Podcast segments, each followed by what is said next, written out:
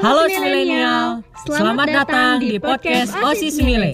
Media informasi OSIS SMA Negeri 1 Lembang berbasis suara.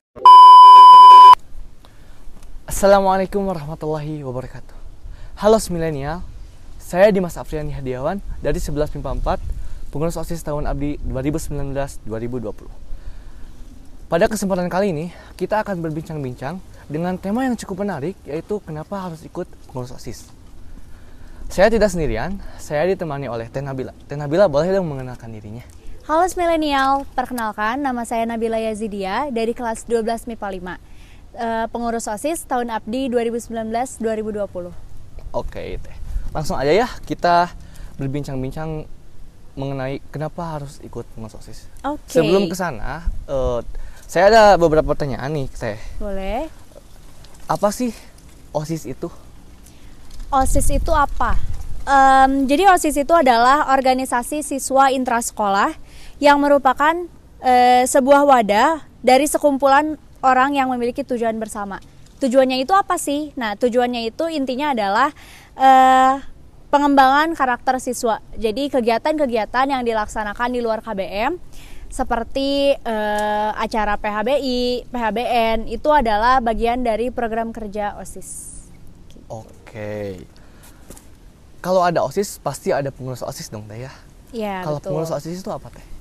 Nah, sebenarnya ini nih yang sering uh, ketukar gitu ya. Jadi uh, antara pengurus OSIS dan anggota OSIS. Jadi yang pertama dari anggota OSIS dulu ya. Anggota OSIS itu adalah semua siswa di SMA Negeri 1 Lembang itu adalah anggota OSIS. Sedangkan pengurus OSIS itu adalah beberapa siswa SMA Negeri 1 Lembang yang uh, jadi pengurus gitu. Jadi yang uh, menjadi panitianya, yang terlibat langsung menjadi uh, apa ya? wadah untuk aspirasi. Salah satu tugas OSIS itu kan menyampaikan aspirasi siswa gitu. Jadi Yeah. pengurus OSIS itu ada untuk menjadi penghubung seperti itu. Oke. Eh, kalau jadi pengurus OSIS nih, Teh ya, apa aja sih yang dilakukan pengurus OSIS? Yang dilakukan pengurus OSIS ya. Oh iya, ini salah satu yang penting gitu eh, antara perbedaan pengurus OSIS di SMP dan di SMA. Ini eh yang paling berbeda itu adalah di SMA eh, pengurus OSIS itu dituntut untuk lebih menjadi mandiri, untuk lebih bertanggung jawab. Sedangkan kalau di, di SMP itu kan eh, satu pertiganya dikerjakan oleh OSIS, sedangkan dua pertiganya dikerjakan oleh guru. Nah di SMA itu berbeda, jadi pengurus OSISnya nanti akan lebih banyak mengerjakan banyak hal gitu. Tadi pertanyaannya apa? Boleh diulang maaf? Oke, apa aja yang dilakukan pengurus OSIS? yang dilakukan pengurus OSIS. Jadi ini yang menarik sebenarnya. Jadi eh, kalau misalnya kita jadi pengurus OSIS itu kita akan mengerjakan atau melakukan banyak hal yang sebelumnya belum pernah kita lakuin gitu. Misalnya jadi panitia. Nah, kalau misalnya di SMP-nya udah pernah jadi OSIS, mungkin udah pernah juga dong jadi panitia. Nah, tapi beda. Kalau misalnya di SMA itu kita menjadi panitia, itu eh, akan banyak hal-hal yang baru. Belum kalau misalnya kita bertemu dengan sekolah luar di seminar itu juga jadi pengalaman-pengalaman yang menarik gitu. Oke. Kan tadi apa aja yang dilakukan pengurus OSIS ya? Iya. Eh, pasti ada manfaat dong di setiap yang dilakukan oleh pengurus OSIS. Nah, Iya, benefit betul. untuk menjadi eh maaf, benefit menjadi pengurus OSIS itu apa sih, Teh? eh manfaatnya yang pertama adalah nambah relasi dengan sekolah atau instansi lain gitu. Gimana kalau misalnya kita melaksanakan eh, acara itu kan pasti kita banyak berkomunikasi dengan eh, perusahaan, misalnya untuk sponsor, juga dengan masyarakat untuk perizinan. Nah, di sini kita jadi menambah relasi juga dengan guru, dengan siswa-siswa gitu. Itu salah satu. Yang keduanya adalah eh, kepemimpinan. Itu yang eh, bisa terlihat dari pengurus OSIS gitu. Di mana eh, kepemimpinannya itu lebih terlatih. Yang ketiga, kedewasaan dan kemandirian. Terus eh, juga melatih kepercayaan diri. Nah, ini juga yang biasanya terlihat berbeda gitu. Jadi eh, menjadi pengurus OSIS, kita biasanya lebih dituntut untuk berani tampil di depan, berani untuk berbicara lebih banyak di depan gitu. Jadi itu melatih kemandirian dan juga uh, kepercayaan diri gitu. Oke. Uh, teh Dimas mau nanya dong Teh. Uh, yang jadi pengurus OSIS ada pengaruhnya nggak sih buat di universitas-universitas? Pengaruhnya tentu ada. Karena uh, menjadi pengurus OSIS kita dilatih untuk manajemen waktu, itu yang pertama e, menjadi seorang mahasiswa berdasarkan apa yang dikatakan oleh senior-senior kita, pasti teman-teman udah sering dengar tugas numpuk, terus belum lagi dengan acara-acara seminar-seminar yang dilaksanakan di luar. Nah, jadi pengurus OSIS ini kita e, bisa lebih manajemen waktu di mana tugas OSIS dan tugas sekolah harus berjalan beriringan, tidak bisa ketinggalan satu salah satunya atau tidak dikerjakan salah satunya gitu. Terus oh. eh, yang kedua adalah berpikir kritis. Nah, ini juga penting menjadi seorang mahasiswa tentu akan berbeda dengan siswa SMA atau siswa SMP gitu. Jadi di OSIS ini kita dituntut dan belajar untuk berpikir lebih kritis, mencari solusi untuk sebuah masalah di e, acara sekolah itu juga bisa terpakai ketika kita menjadi mahasiswa. Terus e, ada juga belajar menyusun proposal dan surat menyurat. Oh iya benar. Nah, proposal. ini salah satu yang penting juga karena kalau misalnya kita udah menjadi seorang mahasiswa, tentu akan banyak tugas-tugas uh, seperti makalah, ya membuat proposal. Kalau misalnya kita gabung ke organisasi, nah di sini kita juga melatih itu gitu. Terus uh, dari tata bahasa juga berpengaruh. Terus uh, komunikasi juga itu akan berpengaruh. Jadi sebenarnya banyak sekali sih manfaatnya. Sangat banyak sekali ya, ya mendengar dari penjelasan Teteh tadi. Uh, kan OSIS itu sangat banyak manfaatnya dan juga sangat banyak kegiatannya. Yeah. Dari kegiatan-kegiatan yang telah teteh lalui, yeah. uh, ada gak sih uh, manisnya menjadi pengurus OSIS atau uh, kayak pengurus OSIS itu kayak gini bikin nyaman atau kayak gimana gitu? Nah, ini yang uh, sebenarnya di mana pun kita berada itu pasti ada manis pahitnya kan? Sama juga kayak di organisasi kayak di pengurus osis. Nah yang serunya itu kalau misalnya jadi pengurus osis kita dapat circle baru atau ya circle pertemanan baru. Nah pertemanannya itu berbeda dengan yang di kelas kalau misalnya di kelas kita berbeda. bisa lebih banyak bermain uh, belajar tentang akademik kayak gitu kalau misalnya yang di pengurus osis itu teman yang memiliki integritas. Jadi bukan hanya untuk bermain, tapi juga bertukar pikiran, bertukar pendapat. Ini seru sih sebenarnya. Terus uh, manisnya di OSIS itu adalah kalau misalnya kita menjadi bertanggung jawab, menjadi pengurus yang bertanggung jawab, benefit-benefit yang sebelumnya disebutkan itu akan kita rasakan sendiri dan bukan hanya oleh kita, tapi juga dengan orang-orang di sekitar gitu. Oke.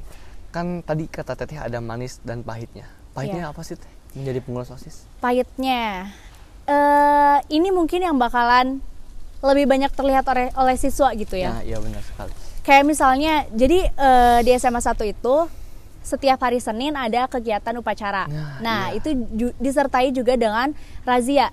Jadi uh, ketertiban, kerapihan itu dicek. Nah, uh, pengurus OSIS di sini bertugas untuk merazia Nah, tentu itu juga berpengaruh gitu. Itu menjadi salah satu bagian yang pahit di mana teman-teman jadi agak menjauh, jadi menjudge kita uh, gak setia kawan, buruk dan yang kayak gitu-gitu. Tapi sebenarnya itu untuk kebagi kebaikan bersama gitu. Terus uh, yang pahitnya lagi kalau misalnya kita tidak bisa manajemen waktu itu uh, banyak ketinggalan pelajaran kelas.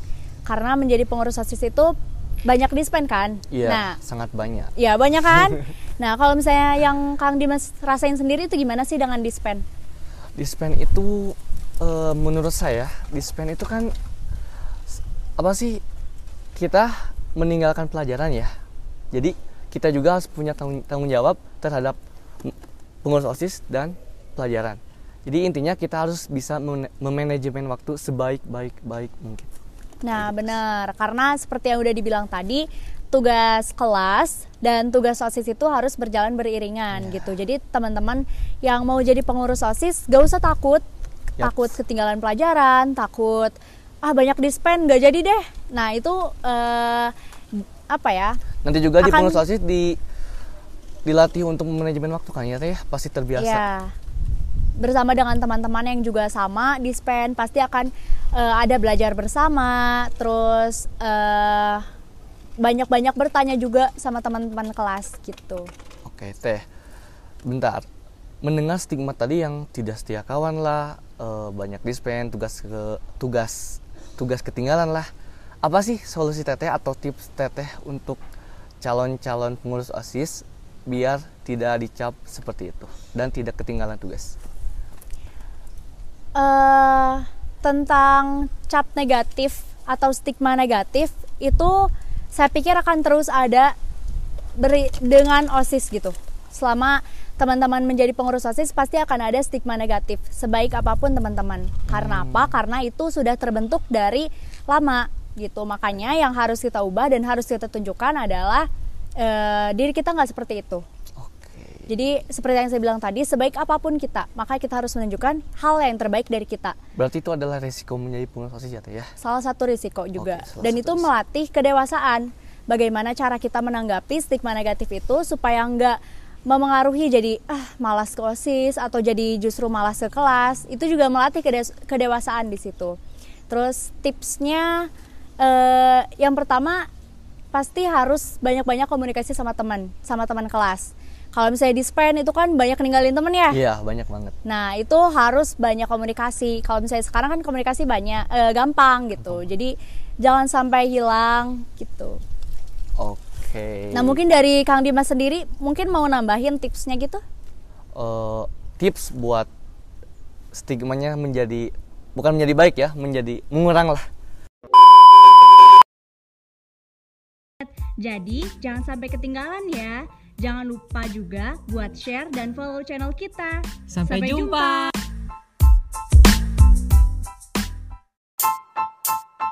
Halo milenial, selamat datang di podcast OSIS Mile. Media informasi OSIS SMA Negeri 1 Lembang berbasis suara. Tips buat stigmanya menjadi bukan menjadi baik ya, menjadi mengurang lah. Jadi kita eh, setiap di kelas kita harus menjadi orang yang sangat friendly. Pengurus OSIS itu harus friendly, harus eh, gak boleh sombong, gak boleh sombong. Maksudnya kan pengurus OSIS itu dituntut buat berwibawa ya, ya. Tapi Iya. berwibawa itu bukan berarti sombong. Jadi tetap Iya. merendah kepada teman-teman kita semua. Jadi di kelas kita tetap menjadi OSIS lah. Ya benar banget. Jadi harus membawa nama OSIS dan juga sebagai siswa biasa gitu ya Kang maksudnya. Nah benar. Terus eh oh iya tentang persyaratan nih Kang. Tadi belum terbahas kan? Oh iya persyaratan. Nah gimana tuh Kang? Buat persyaratan untuk menjadi pengurus OSIS itu masih menjadi misteri ya, tapi Misteri. eh, tapi untuk persyaratannya akan akan apa ya? Akan dirilis lah kalau lagu dirilis ya, tapi ini akan diumumkan pekan ini. Jadi Pekan ini. buat kalian ditunggu untuk menjadi pengurus OSIS. Nah, ya benar banget. Nah, eh buat teman-teman semua, adik-adik kelas 10 yang mau gabung ke jadi pengurus OSIS, harus ditunggu ya. Kita juga menunggu eh, teman-teman buat daftar. Oke. Teh, persiapan untuk menjadi pengurus OSIS apa sih, Teh? Apa yang harus kita lakukan untuk menjadi pengurus OSIS? Persiapan ya. Em, yang pertama sih paling pasti itu niat. Niat. Niat itu yang harus dikuatkan. Niat Kenapa utama. kita mau jadi pengurus OSIS? Eh, untuk apa kita menjadi pengurus OSIS itu harus eh, kuat dan jangan setengah-setengah. Supaya apa yang kita kerjakan nanti ke depannya juga nggak berhenti setengah-setengah, nggak berhenti di tengah jalan, karena itu berpengaruh. Pengaruh. Misalnya eh, niat kita jadi pengurus OSIS hanya untuk eh, coba-coba aja deh, atau ikut temen misalnya kayak gitu, itu harus dibulatkan lagi gitu, karena Gak boleh kayak eh, gitu. Pasti yang namanya kita mencoba sesuatu hal yang baru atau kita bergabung dengan circle yang baru di tengah itu pasti ada rasa gak nyaman. Nah jadi niat itu harus dibulatkan. Niat, oke. Niat yang pertama, terus eh, mental juga mental. mental harus kuat karena eh karena kan tadi apa banyak stigma negatif, terus eh mulai banyak dispen, terus tugas-tugas numpuk, itu juga pasti akan melatih mental kita. Jadi apa ya, jangan takut. Intinya itu jangan takut. Kalau misalnya teman-teman ragu, eh boleh boleh banget tanya-tanya, boleh ke pengurus OSISnya langsung, boleh tanya-tanya Ke ke guru. guru, guru juga boleh. Itu penting sih kalau misalnya teman-teman ragu, pengen ikut nih tapi aduh takut tugas ketinggalan pengen ikut tapi aduh kayaknya nggak akan ada temen deh di kelas nggak ada nggak akan ada teman karena banyak tispen apa-apa nah itu boleh dikomunikasikan juga dikonsultasikan juga sama pengurus osis atau sama guru gitu Oke, masih masih di pengurus osis nih teh. Di pengurus osis itu ada apa aja sih teh? Eh, kayak di dalamnya itu ada apa aja? Os pengurus osis itu? oh mengenai jabatan ya Ya, Nah di SMA 1 Lembang sendiri ada 9 bidang.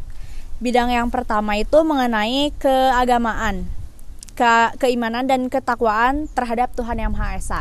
Nah di situ di dalamnya itu ada eh, kepala urusan. kepala urusan atau kaur ya teh ya? Ya, Disebut kaur kaur. disebutnya. Ada kaur. Ada yang pertama kepala urusan eh, PHBI, kepala urusan Ikrisma dan udah. Itu yang pertama. Terus Bentar teh.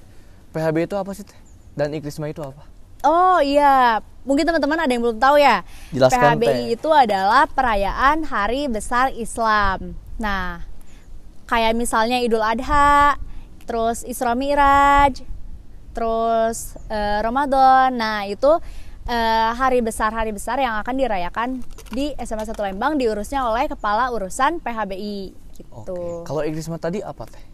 Ikrisma, Ikrisma itu ekskul Salah satu ekskul wajib ya ekskul ekskul wajib salah satu ekskul wajib eh yang keagamaan agama Islam gitu Ikatan Remaja Islam Masjid Al Amanah gitu. Nah, karena merupakan salah satu ekskul wajib, maka kepala urusannya itu eh, ada bagian di OSIS-nya gitu. Karena eh, OSIS itu kan menaungi ekskul-ekskul ya. Sangat Jadi akan menaungi. ada kepala urusan, kepala urusan yang mengurusi ekskulnya masing-masing gitu. Segmen selanjutnya apa teh? Terus yang bidang kedua itu ada pembinaan wawasan kebangsaan dan bela negara.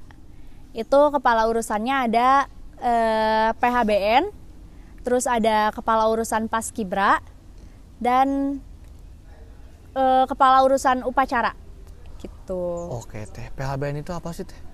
PHBN eh, artinya mirip-mirip nih sama PHBI. Cuma kalau misalnya PHBI itu Hari Besar Islam, Islam. kalau misalnya PHBN i- eh, itu adalah Hari Besar Nasional. Oh, Kayak misalnya kemerdekaan, terus 17 Agustusan. ya kemerdekaan itu.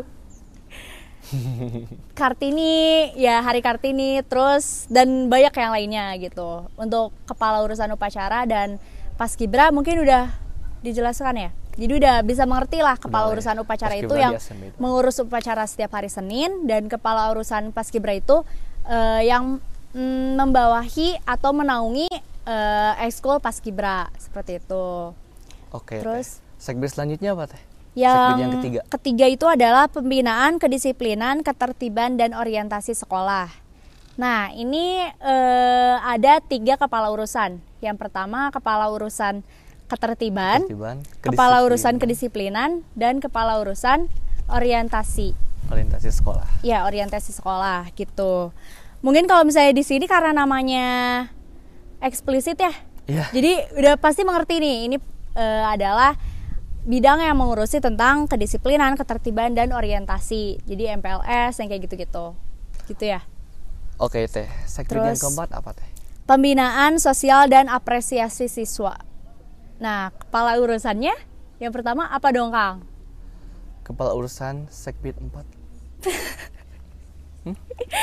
Yang pertama ada kepala urusan DKSS. Nah, DKSS dan Baksos. Terus yang kedua ada Ayo, lewat ya aja. DKSS dan Baksos. Eh? DKSS itu eh, singkatan dari Dana Kesejahteraan Sosial Siswa. Cuma karena sekarang kondisinya lagi pandemi, jadi DKSS-nya tertunda gitu. Terus eh, ada juga kepala urusan pramuka. Nah, Pramuka, ini yang menaungi ekskul pramuka. Terus eh apres hmm?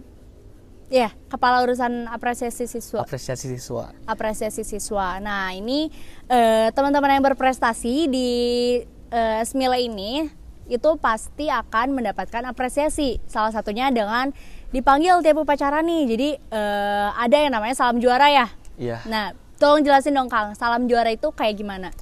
Jadi salam juara itu jadi setiap upacara belum selesai upacara tapi sesudah amanat nanti akan ada yang mengumumkan prestasi tiap minggunya. Jadi nanti yang berprestasi siswa yang berprestasi siswa-siswi akan dipanggil untuk maju ke depan.